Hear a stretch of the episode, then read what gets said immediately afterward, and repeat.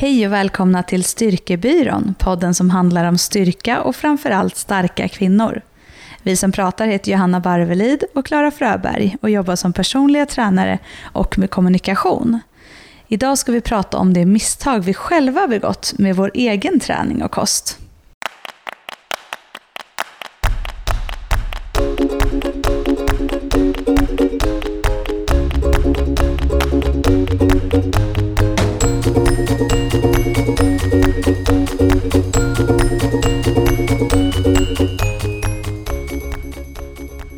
Ja, det är ju så att vårt mest nedladdade avsnitt just nu är det som heter 10 misstag kvinnor gör i gymmet.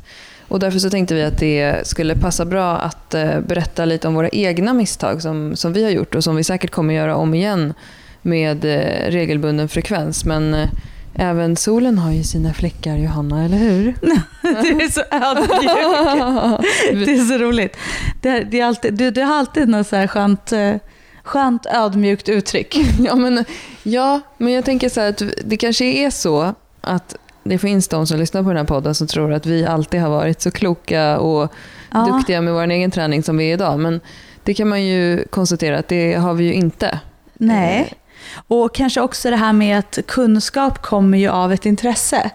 Och också när man, ju mer liksom intresserade vi blev av det här och ju mer vi fördjupade oss i det, eh, Eh, ju mer insåg vi också våra egna misstag. Alltså jag tror att så här, alla är inte fullärda från början och det är ju, allting är ju inte så jäkla lätt. Liksom. Nej, precis. Och vi pratade ju tidigare om att nu har vi jobbat med online-coachning av klienter i två år. Och det är ju någonting som skiljer sig ganska mycket från att stå i gymmet och jobba som PT.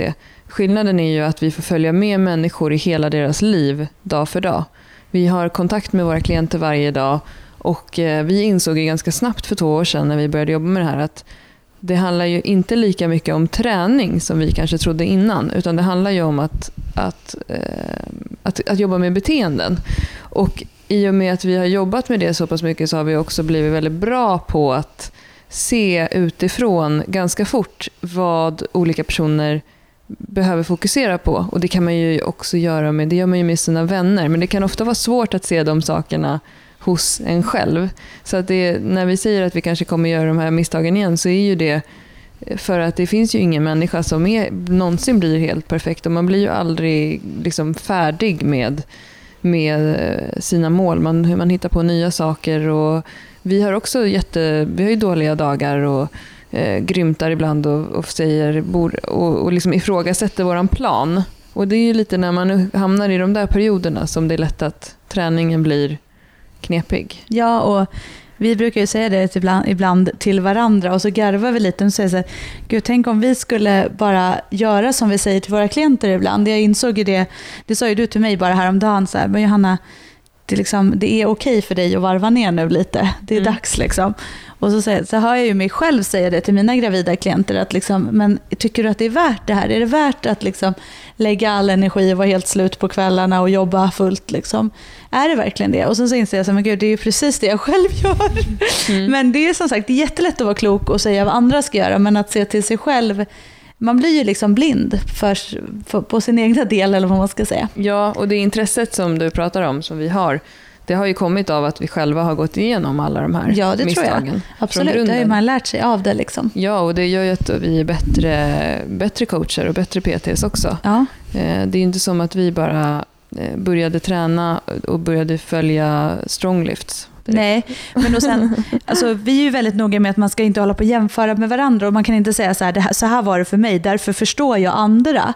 Men i grunden kan jag ändå känna så här, jag förstår ändå kunder när de kommer och säger så här, jag jagar det här med kost, det känns som jag är hungrig hela tiden och eh, jag tänker hela tiden på mat eller när man kommer och säger, ah, jag, vill, liksom, jag vill känna att jag är helt slut efter ett pass. Alltså jag har ju varit där själv. Så jag förstår helt och hållet känslan. Då handlar det ju mer om så här, hur får jag den här personen att, att förstå eh, hur de når sina mål effektivare med det faktiska liksom, eh, teorin som finns mm. i styrketräning till exempel. Mm. Men jag har ju själv varit där och haft exakt samma tankar. Eh, men också insett att så här, jag kom ju inte heller längre. så vidare. Så att, eh, ja, även om man inte kan säga att så här var det för mig så kan jag ändå förstå för man har varit i samma situation och man har gått igenom samma saker. Och inför att vi spelar in det här avsnittet så satt vi idag och tittade på massa gamla bilder på oss själva under Ja. olika faser i livet.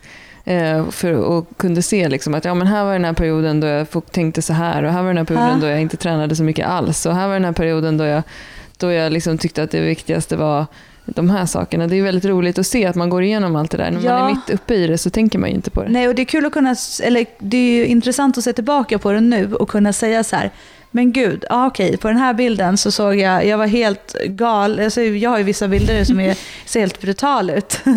eh, liksom och musklerna bara står ut och jag, ser- man ser så här, eh, så här min ha, jag har liksom, du sa så här, du har inte ens en dubbelhaka fast du trycker tillbaka huvudet. Liksom. Jag hade verkligen jättelite fett. Eh, men då kan jag också tänka tillbaka på den tiden nu och säga så här, där skulle jag aldrig vilja vara mer för att jag mådde inte bra och jag låg hela tiden på alldeles för mycket underskott och det var liksom, det är inte värt det. Eh, Eller de här bilderna på dig när du precis hade slutat spela hockey och tog Ja. en paus från träningen. Och, och kroppen ändrades jättemycket också. Ja, ja det, alltså det är så kul. Men det är roligt och det är kul att se. Det är därför det är så roligt att ha mycket bilder nu. För Mm. att egentligen då och där så är de ju rätt meningslösa. För då ser man ändå inte vart man är. Men så här i efterhand så är det väldigt kul tycker jag att kolla tillbaka. Och också känna att där jag sitter idag, okej nu, där jag sitter idag så är jag kanske lite större än vad jag brukar vara om man tänker på det. Men, eh, och lite mindre stark också. Men jag har ett barn i magen så det bryr vi oss inte så mycket om. Men eh, att just se så här, hur jag mår idag och Mm. känna att så här, det är så skönt för jag har hittat min grej och jag Mm. behöver inte liksom så leta eller söka eller försöka utan jag vet vad som funkar för mig, vad jag mår bra av, vad jag har för mål. Och att det du är vill jäkligt by- skönt. bygga stora biceps. Japp. stora muskler, stora biceps och jag vill vara stark. Fängelseklikan. Ja, och jag vill äta. Ja, jag vill ha den. Jag älskar den. Så avundsjuk på det, Klara. Eh, och sen så vill jag äta och må bra. Och eh, Mm. jag vill kunna eh, ta ett glas champagne eller jag vill kunna eh, äta glass. Det ingår i liksom min livsstandard. Mm, Ja. det är jag glad för. Ja, Ja, men ska vi gå in på de här misstagen som vi har gjort? då? ja men absolut. Jag bara börjar. Vi, vi har ju listat eh, tio stycken. Mm. Det är för att det är bra. Tio är bra utgångsläge. Okej, kör. Eh, att bara träna det som man är dålig på är nummer ett. Eh, jag kan relatera till det till mig själv tidigare i våras faktiskt. Senast gjorde jag det här misstaget, så det är inte alls länge sedan. Nej. Då jag bestämde mig för att jag ska, eftersom att knäböj är mitt värsta, Mm. så ska jag träna det tre gånger i veckan. Och eh, jag, jag tänkte träna enligt Mad Cow-programmet ungefär. Jag modifierade det en del. Ehm, och eh, jag skulle då göra knäböj tre gånger i veckan där ett pass var väldigt tungt och de andra två passen var lite lättare.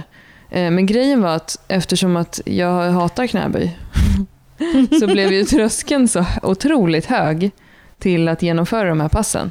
Så ganska snabbt så blev det jobbigt. Och motivationen sjönk väldigt mycket. Eh, kan du känna igen det här? Ja, jag har inte haft riktigt den där. Det där är ju ett, det där är ett Klara. Typiskt. Typiskt Klara. Jag, jag gör ju inte saker jag är dålig på. Nej. Nej men jag vet däremot när du var på, i det där, liksom, och i början så var du så här jättetaggad och Ja. bara nu ska jag köra. Och Jag hade ett Excel. Ja, ja, ja, det var helt liksom. Och sen bara så brann allt ut i sanden och sen när man frågade om det då fick man du så här,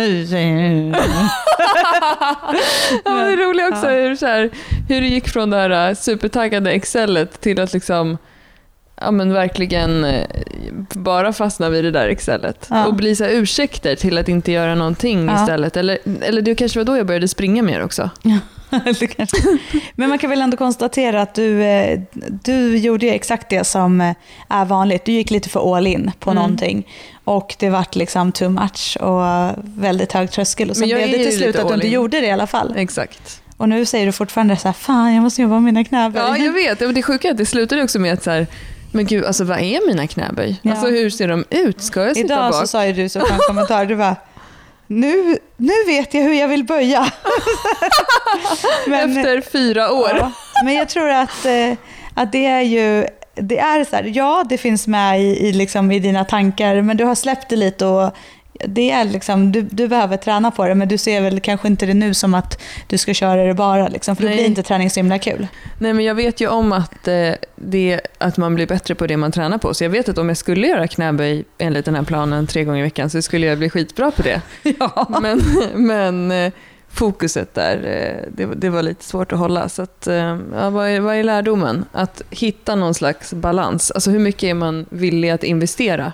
Ja, och sen tänker jag att all in blir oftast inte något, någonting som funkar över tid. Nej, och, Du är fortfarande på samma läge nu som du var då. ja, det känns ju kul. Nej. Bra. Du hade Ja, fina knäböj idag, Klara. ja, tack.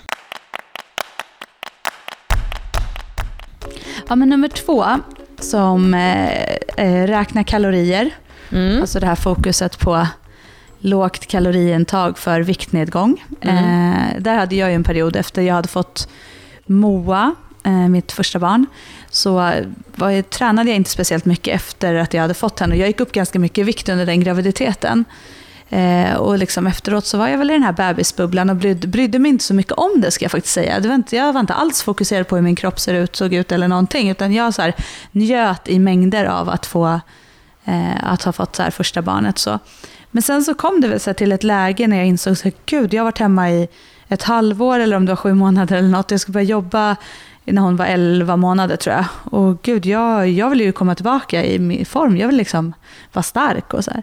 Så då började jag, då körde jag all in. Då var det liksom så här, okej nu ska jag börja träna, nu ska jag tänka på kosten, allt. Jag gick från liksom att inte bry mig speciellt mycket om kosten och träna lite grann till att liksom köra all in. Och då bestämde jag mig för att jag skulle ligga på, håll i er nu, 1200 kalorier per dag. Det är typ en middag för dig nu. Nej, jag. Ja, alltså det, nej, men det är helt sjukt. Och, och det som är så skönt när jag tittar på, tillbaka på den här tiden är att jag känner så här, jag kommer aldrig mer vilja vara där. Men då var det, så här, för mig var det så viktigt, jag var, jag var så fokuserad på det här med viktnedgång. Eh, och att jag skulle liksom komma i form, det var hela tiden det. det var liksom, egentligen tror jag inte att det var så jag skulle bli stark, utan jag ville komma i form och det betyder för mig att gå ner i vikt. Slimma. Ja, ja, ja men faktiskt. Och, så jag började liksom eh, köra på det där och vart ju, så insåg ju då så här, oj, gud vad jag har ätit mycket. Och så här, om jag tog så här mycket av det så var det så här mycket kalorier. Man, alltså, man blir knäpp av att räkna kalorier. Man blir dum i huvudet ska jag säga. För att, eller man, jag blev, men jag tror att det är generellt för väldigt många människor. För att man blir liksom, jag satt så här och bara, du vet, skrev ner typ när jag åt middagen. Det är liksom, hur kul är det att umgås med en sån människa? Man bara, vänta jag ska bara skriva ner här nu. Och så bara, okej nej jag kan inte ta, ja, men jag kan ta lite till nu för nu har jag sparat. Så här. Och det jag gjorde var att även om jag tränade så fick jag inte fler kalorier. Mm. Utan jag tyck, det här var det jag tyckte att jag skulle gå runt på. Ja men det är inte konstigt att jag gick ner i vikt för att det gör man. Om man Men här. orkade du träna? Eh, alltså jag, jag gjorde ju det till en början, men det här är ju också jag i ett nötskal. Det är ju inte mänskligt att...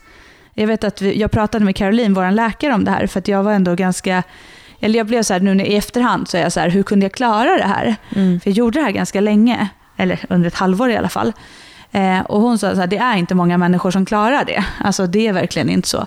Och jag tror att för mig handlar det om, precis som när jag ska tävla eller sätta mål, jag var liksom bara, det spelar ingen roll, jag ska klara det här. Mm. Men på sätt och vis klarade jag det inte, för jag blev ju en helvetes dålig fru. eh, och jag, jag orkade ju inte. Moa var ju så liten så hon märkte ju såklart inte av det. Men jag sov ju med henne två timmar per dag, för jag orkade ju inte vara vaken hela dagarna. Eh, och jag var ju ständigt liksom hungrig, ständigt tänkte på mat. Så hela tiden fokus på vad nästa måltid skulle vara. Mm. Eh, och allting handlade ju om att spara kalorier. Alltså det, det, blir, det blir liksom helt sjukt. Mm. Så, eh, men, och jag gjorde det och, eh, och jag, jag klarade det. Liksom. Jag gick ju ner ganska snabbt, de där kilorna som jag tyckte att jag hade kvar. Eh, och eh, om man tittar på bilder från den här tiden så är det ju det är ju en tid som jag har fått extremt mycket eh, komplimanger för att jag, att jag är så slimmad och shit, sådär synliga muskler och så vidare. Men om jag Vilket är väldigt sorgligt. det är jättesorgligt, men det är ju klart, det är ingen som kanske vet utifrån, men det är samma sak som människor som tävlar i fitness och sånt, som Mm. ligger på extrema, nu kanske inte precis när de tävlar, men att man tycker åh gud vad schysst att ha sådär synliga. Det är inte, det är inte någonting man kan ha hela tiden. Alltså, Nej. det extrema, jag hade, jag, nu gjorde faktiskt inte jag någon eh, fettmätning då, vilket hade egentligen varit ganska intressant att göra. Eh, för att bara se, så här, förstå hur galet. Mm. Men alltså, jag mådde ju inte, jag mådde inte bra och jag var inte, det, är liksom, det är inget kul att leva med en sån människa. Så jag skulle ju aldrig utsätta varken mig själv eller min familj för det igen, för det är inte värt det. Vad var det som fick dig att sluta sen då? Mm, att sluta räkna kalorier tror jag att jag fick börja, när jag började jobba igen så blev det det blev liksom att så här, det går inte. Alltså det blev Mm. liksom, jag märkte ju själv att jag var tvungen att orka. Så jag tror att jag ökade upp lite. Men sen var det nog också Anton som var så här, alltså nu räcker det Johanna. Det är liksom, du sitter typ med din mobil och skriver i kalorier när vi äter liksom lunch. Alltså det funkar inte. Och jag tror att han sa så här någon gång, eh, att jag för mig att det var så här, exakt hur han sa vet jag inte, men det är så här, är det här den förebilden du vill vara för dina barn? Mm. Och då blev jag så här, men gud, alltså det är klart jag inte vill. Alltså nu är jag ju jättenoggrann med att aldrig prata om mat som något som är positivt, eller så negativt eller positivt, alltså Mm, i den benämningen, utseendet. ut utseendet, utan nu pratar vi om att man äter för att må bra och att man ska vara stark och ha bränsle och så vidare. Mm. Men så jag tror att lite någonstans så var det en blandning av att jag började jobba och jag inte kunde sova så två timmar. Mm. Och att Anton ändå liksom någonstans vart så här, det här funkar inte, det går inte, jag tänker inte leva med en sån här människa. Så Mm. jag tror att det var en blandning. Men sen blev det också att, sen blev ju jag, jag låg ju väldigt lågt ända tills jag blev gravid igen. Eh, med Lovisa. Och då, då var det, när jag blev gravid där så blev det ju någonstans så här, då, min kropp var ju så jag tror jag bara sög åt sig kolhydrater och allting. Eh, och då gick jag ju upp ganska fort några kilon, men då bestämde jag mig nog för så här att nej okej, det här är min kropp, behöver det här. Eh, och när jag väl hade fått henne så bestämde jag mig för att den här resan ska vara fokus på att bli stark igen. Inte fokus på att tappa i vikt så fort som möjligt eller jag ska äta bra grejer och sen träna men jag ska må bra. Och sen har jag faktiskt gjort det och det är jag, jag är jäkligt stolt över att jag kunde göra det för jag tror att det är ganska lätt när man hamnar i det här att man blir, jag var ju helt självblind. Mm. Alltså jag såg ju inte mig själv, när jag tittar på bilder nu så tänker jag så här, men gud hur ser jag ut? Det är inte ens snyggt. Alltså jag ser liksom, man ser ju bara eller det är så här, eh, även om jag var jättemusklig så tror jag att eh, då såg jag inte det. Då tyckte jag ju fortfarande så här, ah, men om jag bara går ner något kilo till, då kommer jag nog känna mig ännu bättre. Mm. Så jag tror att när man är i det där, och det är så som det är för våra kunder, många som man pratar med, att man tror hela tiden att något kilo ska lösa något typ av välmående. Ja. Men, Men- samtidigt så mår man också, jag tror att man känner också, eller många känner att, att, att man inte gör tillräckligt till exempel i träningen, därför man orkar ju inte heller. Nej, nej. Så att många pass blir ju, får ju en negativ klang Ja. efteråt i magen för att man antingen kände sig helt kräkslut Ja. eller inte orkade ta i. Och om du tänker idag att, att eh, lyfta några hundra pannor från golvet utan att ha ätit någonting, Nej, men det skulle inte gå. det, det, det, det funkar ju inte. Nej, men jag skulle aldrig kunna träna som jag gör idag och äta så. Alltså, det skulle inte funka. Eh, men eh, jag, jag vet inte. Jag, sen så, nej, nu, det är så att man glömmer saker också. Men jag, eh, jag tror ju inte att jag hade så bra effektivitet på passen. Att bara hoppa och göra, alltså, Nej. göra hur många burpees som helst och bara ja, öka antalet per minut. Alltså, vad var syftet egentligen? Alltså på riktigt. Men det, ja, den, jag har gått igenom den och därför så tror jag också att jag förstår väldigt mycket när mina kunder pratar om kosten och det här jagandet och känslan av att rädslan för att öka upp kosten för att tro att man ska gå upp i vikt. Ja. Eh, alltså, den biten så tror jag att jag, det har gjort att jag har fått en förståelse för det. Sen kommer jag aldrig kunna säga så här, men så här gjorde jag, för det har inte med någon annan att göra. Men, men jag tror att jag förstår verkligen den här rädslan och känslan och ens tankar kring att liksom vad, man vill, vad man vill uppnå med det. Mm. Så eh, ett, ett sätt att eh, eh, sluta räkna kalorier kan ju vara då till exempel att man eh, istället eh, tittar på hur tallrikarna ser ut. Ja, verkligen. Fördelningen på dem och sen också fundera över det här med träningen. För vi, vi pratar ju också ofta med våra kunder som säger att de vill få mer muskler. Det är väldigt vanligt att våra klienter kommer till oss och säger jag vill få mer muskler. Ja, och, och att då förklara, att, som, som vi precis pratade om, att det går inte om man, om man ligger på ett kaloriunderskott. Nej. Att, alltså du måste addera energi om du ska orka träna hårt. Ja, och sen ta så här, fundera lite kring så här, vad är det som är det Orsaken. verkliga ja, och vad är det som är viktigt i det här? Är det att jag mår bra eller är det att jag går ständigt runt och är hungrig och grinig för att det ska ligga på de där, det där underskottet? Liksom, vad, är, vad kommer jag vinna på det? Och vad är det som säger att jag blir nöjd där? Och så Mm. vidare. Ja, Ja, Bra. men bort med det. Men skönt att, ja, det är skönt, det är att så här, över. kunna gå, ha gått igenom det, checkat av det och bara nej, Ja. det, där är jag klar. Liksom. Håller med, samma här. Eh, punkt tre. För mycket, den är, hänger ihop nästan lite med innan, men för mycket konditionsträning.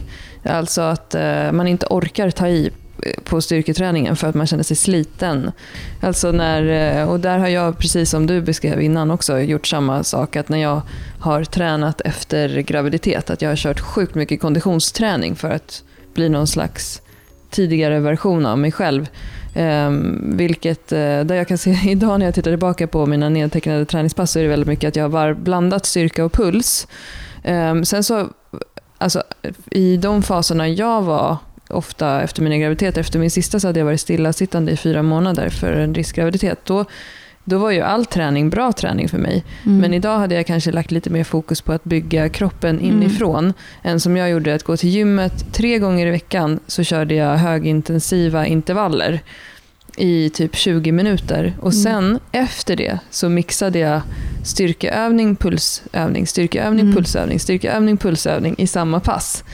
Um, vilket är helt okej att göra ibland, men man mm. kanske inte behöver göra så mycket. Och ditt fokus då var kanske inte det egentligen. Alltså, Nej, men jag, då, behövt... jag hade inte den kunskapen att förstå Nej. vad min kropp behövde. Och det är tur att man har det nu då. Ja. Min kropp behöver donuts. Ja, precis. Nej, men det, där gick, det där var ju lite som den perioden också, att jag bara körde. Liksom. Ja. Det var all in och det var jättemycket. Och det var också väldigt slitet till, sliten till slut. Precis, och kontentan av det kan vi säga att för mycket kondition alltså konditionsträning är ju bra, mm. men beroende på ditt mål, vilket som för oss och för många som lyssnar på den här podden är ändå att bli stark och, och just få mera muskler, då kan det vara bra att du till exempel delar upp konditionsträningen och styrketräningen och fokuserar i dina träningspass först på styrkan, om det är styrkan du prioriterar.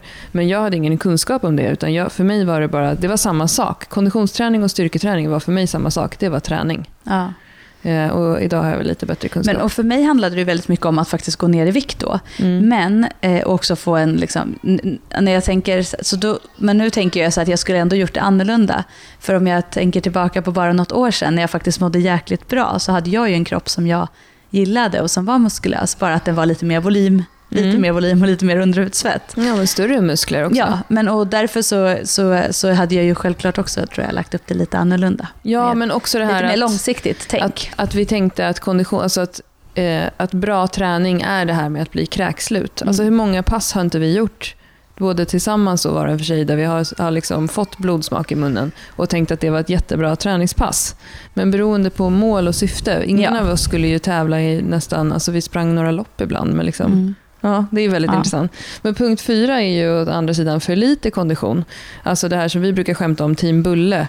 Eh, när, eh, I perioder då, då allt fokus har varit bara på att lyfta tre, två och en repetition på ja. gymmet.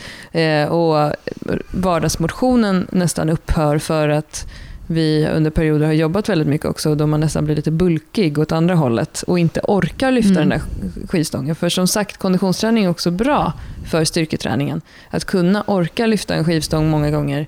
Det är därför tyngdlyftning till exempel är en väldigt bra ja. konditionsträning. Men då kunde det vara så att vi körde typ några treor där och några treor där och några treor där och sen tyckte vi att vi var klara för vi hade pratat ungefär halva passet. Ja, precis. Och sen och så, så, tyckte, vi inte att var, tyckte vi att det var konstigt att vi inte blev starkare. Brinklina och jag eh, käkar alltid en bulle innan vi lyfter också.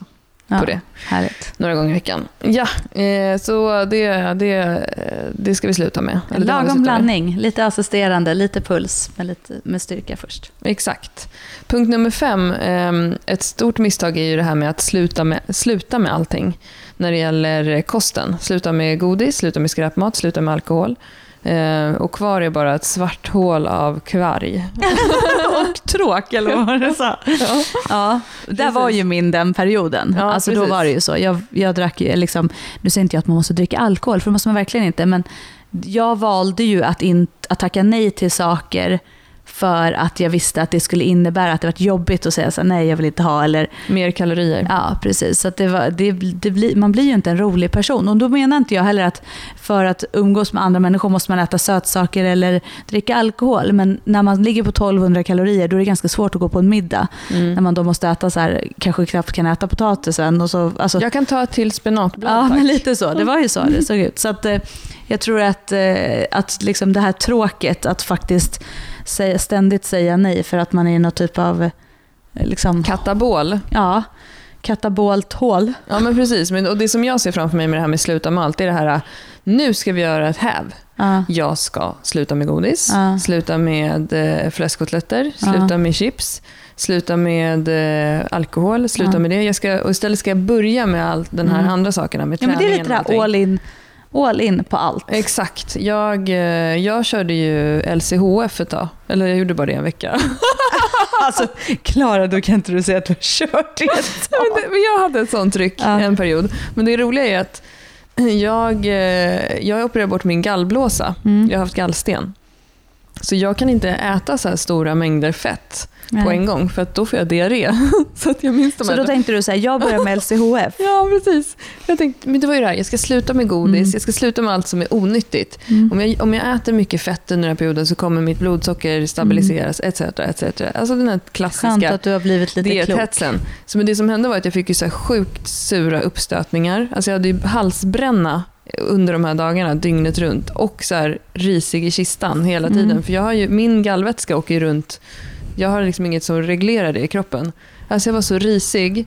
Alltså det här man brukar prata om proteinpruttar på gymmet. Det är liksom, det här var värre. Och, eh, Proteinpruttar. jag, jag kunde liksom inte ens ge det en period att utvärdera. För min kropp sa bara En vecka, Nej sen räckte det. Ja, för fan. Jag bara såg framför mig, jag ska inte svära, förlåt. Grädde, vispgrädde. Uh, nej. Nej, balansen i svansen. Men, eh, men och vi, eh, där har vi ju lärt oss, vi förespråkar ju heller inte några Dieter. dieter av något slag.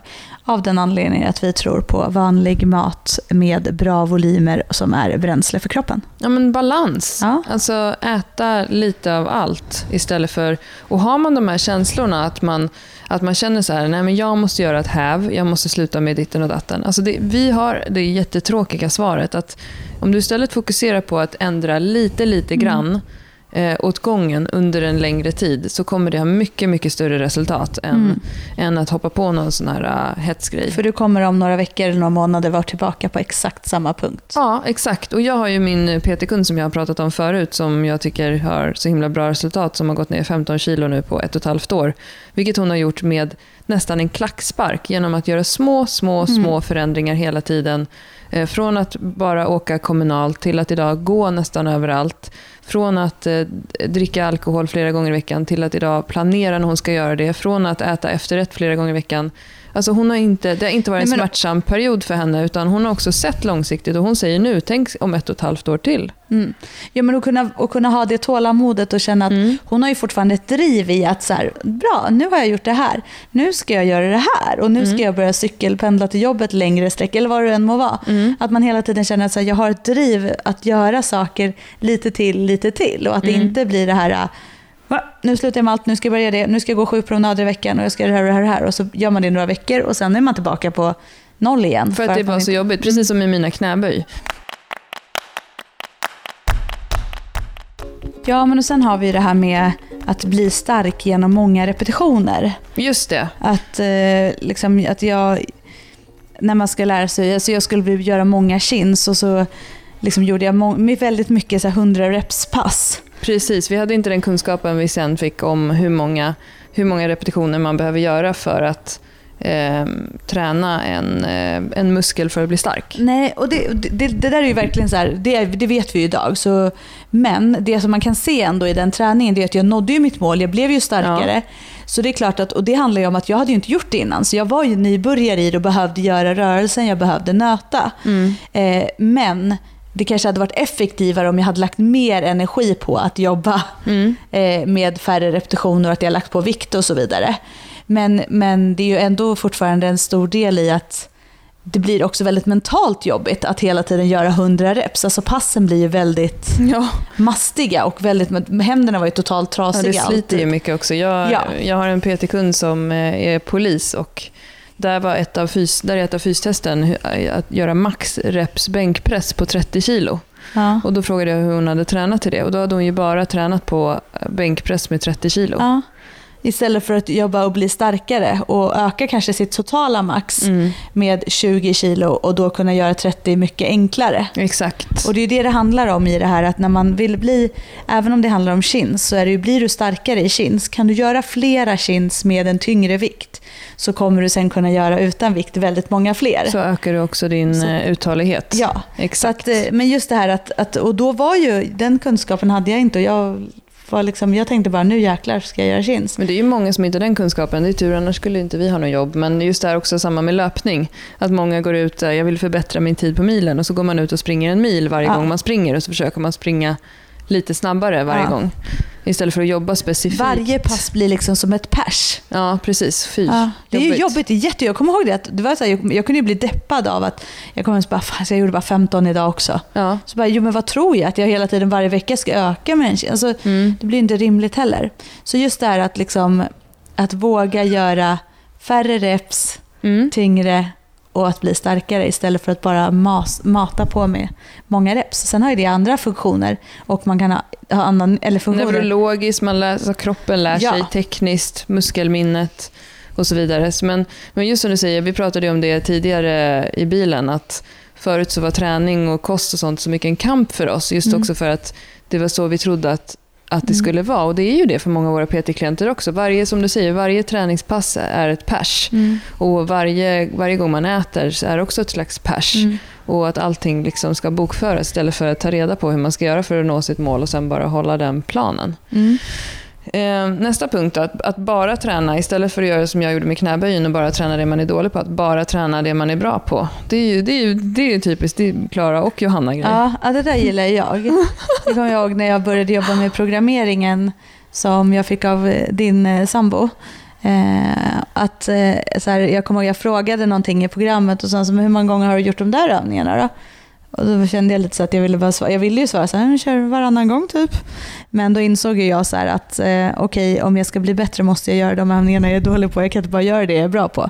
Så, så det är ju så grejer som, och det, det tror jag generellt väldigt många människor. Man gör det man tycker är kul för det är det man är bra på och det, då känns det bra liksom. Ja, precis. Men då kanske det inte händer så mycket med Nej, det andra. För det- är ju kanske nej. svagheterna som man ofta behöver. Alltså, det är ju, om du blir bättre på dina svagheter så kommer du bli starkare totalt och då kommer du kunna göra det. Exakt. Så Eh, sanningen är, i- träna på det du är dålig på också. I det programmet så stod det ju att eh, här är ett antal assisterande övningar till Mm. varje pass.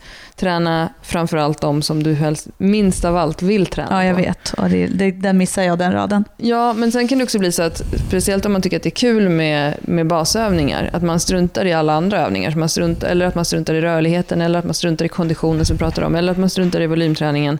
Man går bara och gör sina femmor Mm. och sen så går man därifrån. Mm. Och, och sen så undrar man varför man är på en platå. ja, Don't do that. don't do it. Stick to the plan. Blanda det roliga med det tråkiga och bestäm ibland att du ska göra tråkiga saker. Mm. Så, så fick vi göra. Vi bara, Okej, nu ska vi bara, vad- tycker vi är tråkigast? De här tre övningarna assisterande. Bra, Mm. Uff, så gjorde vi dem. då gjorde vi dem. Ja, och sen kan det där skifta ju, för helt plötsligt så blir man ju grym på dem. Ja. då, blir man, då tycker man det är roligt igen. Så är det något Ja. annat som är jobbigt. Det Men du, punkt åtta då, vilja allt. Ja, alltså det är ju väldigt vanligt. Och det är ju också det, är det vanligaste bland våra online-klienter skulle jag säga. Ja. Att man vill, eh, vill bli rörlig, vill bli stark, vill bli snabb, vill eh, vara bättre på sina intervaller, vill bli mer uthållig, bli mer, öka sin maxstyrka, öka sin muskelvolym, gå ner i Ja. vikt. Spretigt. Men där, där, tycker jag, där var jag nog lite, li- där har jag nog varit också det här med, kanske inte så extremt men jag vet att så här, jag har hade svårt att sätta mina, så här, innan jag bestämde mig att så här, nu ska jag tävla i styrkelyft, nu, ska jag, nu jäklar är det jag ska satsa på och nu släpper jag lite det andra. Eh, då var jag så här lite att så här, ja, men jag vill gärna springa, jag hade någon så här bild av vad jag skulle springa milen på, jag hade någon bild av hur mycket jag skulle lyfta, jag hade någon bild att jag fortfarande skulle göra mina 20 chins. Men jag var liksom inte riktigt beredd att satsa på någonting. Och, och, och det vet jag att när jag väl tog det beslutet och bara så här, okej, jag vill bli starkare, jag vill lyfta tungt i de här tre delarna. Vad krävs? Det var som en lättnad, för då var det så här, men gud, jag måste inte få in det här och det här och det här också. Och helt plötsligt så kunde jag faktiskt gå från att så här, träna så okvalitativa pass, flera stycken i veckan, till att faktiskt fokusera på att träna kvalitativa pass som gav resultat typ varje vecka. Mm. Att jag kände skillnad varje vecka. Så det var ju så skönt bara att få checka av. Och det tror jag många skulle må bra av. Att, att liksom just det här att bestämma sig, som vi har pratat jättemycket, om nu. jättemycket. Att, att få bestämma sig för en sak och släppa resten. Ett, en period, eller åtminstone veta om sitt syfte.